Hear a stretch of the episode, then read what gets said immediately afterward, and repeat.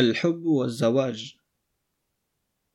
قرأت في بعض المجلات قصة قصها أحد الكتاب وموضوعها أن كاتبها غاب عن بيروت بضعة أعوام ثم عاد إليها بعد ذلك فزار صديقا له من أثرياء الرجال ووجوههم ومن ذوي الأخلاق الكريمة والأنفس العالية فوجده حزينا كئيبا على غير ما يعهد من حاله قبل ذلك فاستفهم منه عن دخيلة أمره فعرف أنه كان متزوجا من فتاة يحبها ويجلها ويفديها بنفسه وماله فلم تحفظ صنيعه ولم ترعى عهده وأنها فرت منه إلى عشيق لها رقيق الحال وضيع النسب.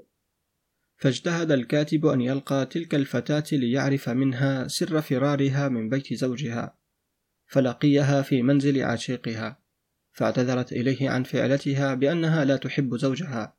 لأنه في الأربعين من عمره وهي لم تبلغ العشرين. وقالت إنها جرت في ذلك على حكم الشرائع الطبيعية وإن خالفت الشرائع الدينية.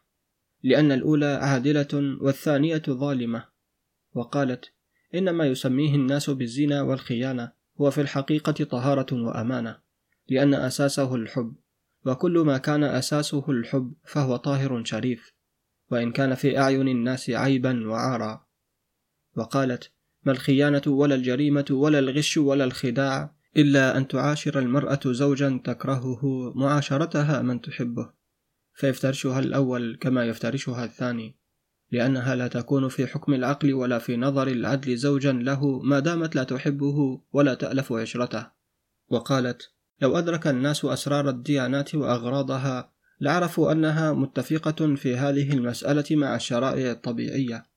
وأنها ربما تعد المرأة في بيت زوجها زانية وفي بيت عشيقها طاهرة إذا كانت تكره الأول وتحب الثاني.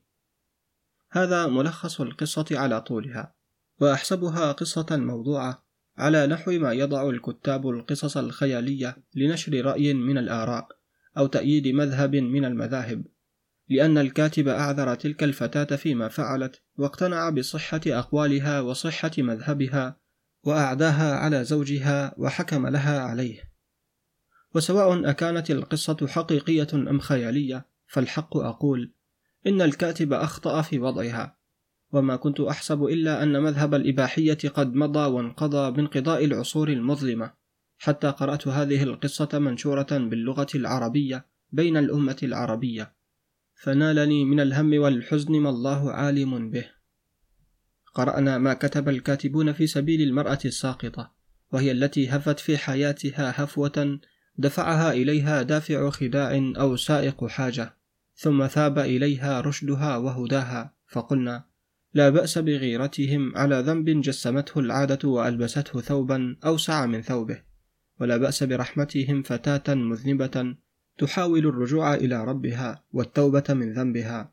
ويأبى المجتمع البشري إلا أن يسد دونها أبواب السماء المفتحة للقائلين والمجرمين. فأما وقد وصل الحد إلى تزيين الزنا للزانية وتهوين إثمه عليها وإغراء العفيفة الصالحة بالتمرد على زوجها والخروج من طاعته كلما دعاها إلى ذلك داع من الهوى. فهذا ما لا يطاق احتماله ولا يستطاع قبوله. إن فتاة الرواية لم تهف في جريمتها فقط كما يهفو غيرها من النساء لأنها مقيمة في منزل عشيقها من زمن بعيد وقد عقدت عزمها على البقاء فيه ما دامت روحها باقية في جسدها ولم يسقها إلى ذلك سائق شهوة بشرية. إن صح أن تكون الشهوة البشرية عذرا يدفع مثلها إلى مثل ما صنعت لأنها فرت من فراش زوجها لا من وحشة خلوتها ولا سائق جوع.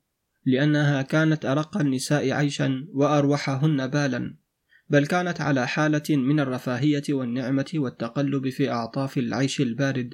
لم تر مثلها من قبل ولا من بعد. إذا فهي امرأة مجرمة لا يمنحها العدل من الرحمة ما منح المرأة الساقطة. إن كانت هذه الفتاة عفيفة طاهرة كما يزعم الكاتب فقد أخطأ علماء اللغة جميعا في وضع كلمة الفساد في معاجمهم. لأنها لا مسمى لها في هذا العالم. عالم العفة والطهارة والخير والصلاح.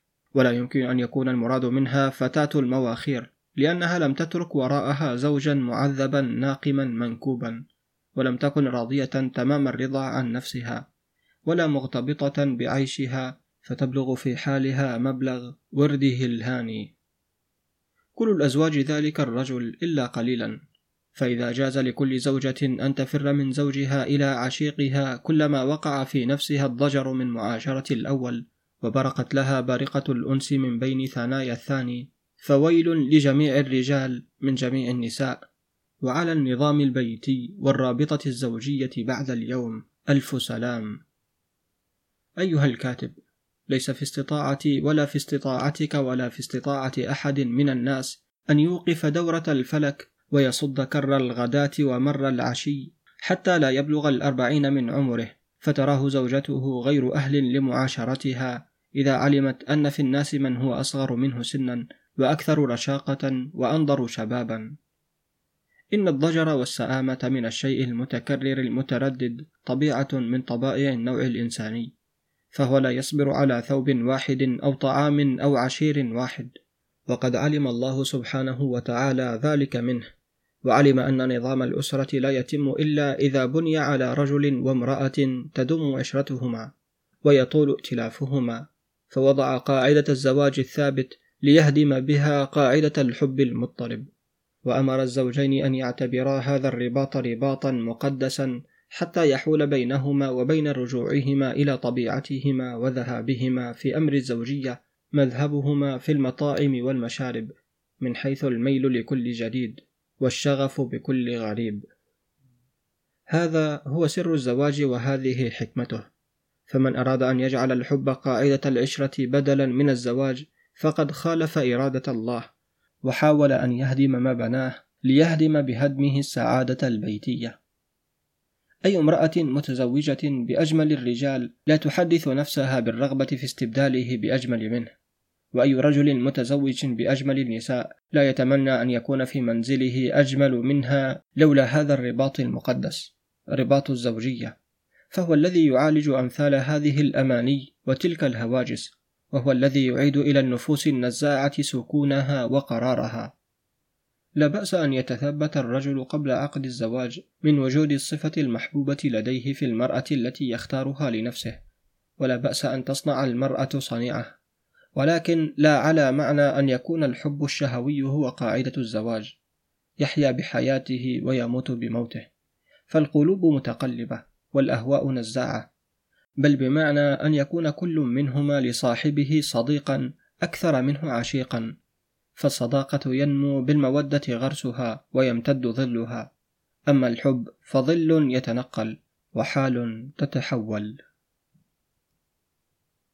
من كتاب النظرات لمصطفى لطفي المنفلوطي بصوت عبد الباري الطشاني. شاهد أيضا أحد هذه الفيديوهات الظاهرة أمامك على الشاشة.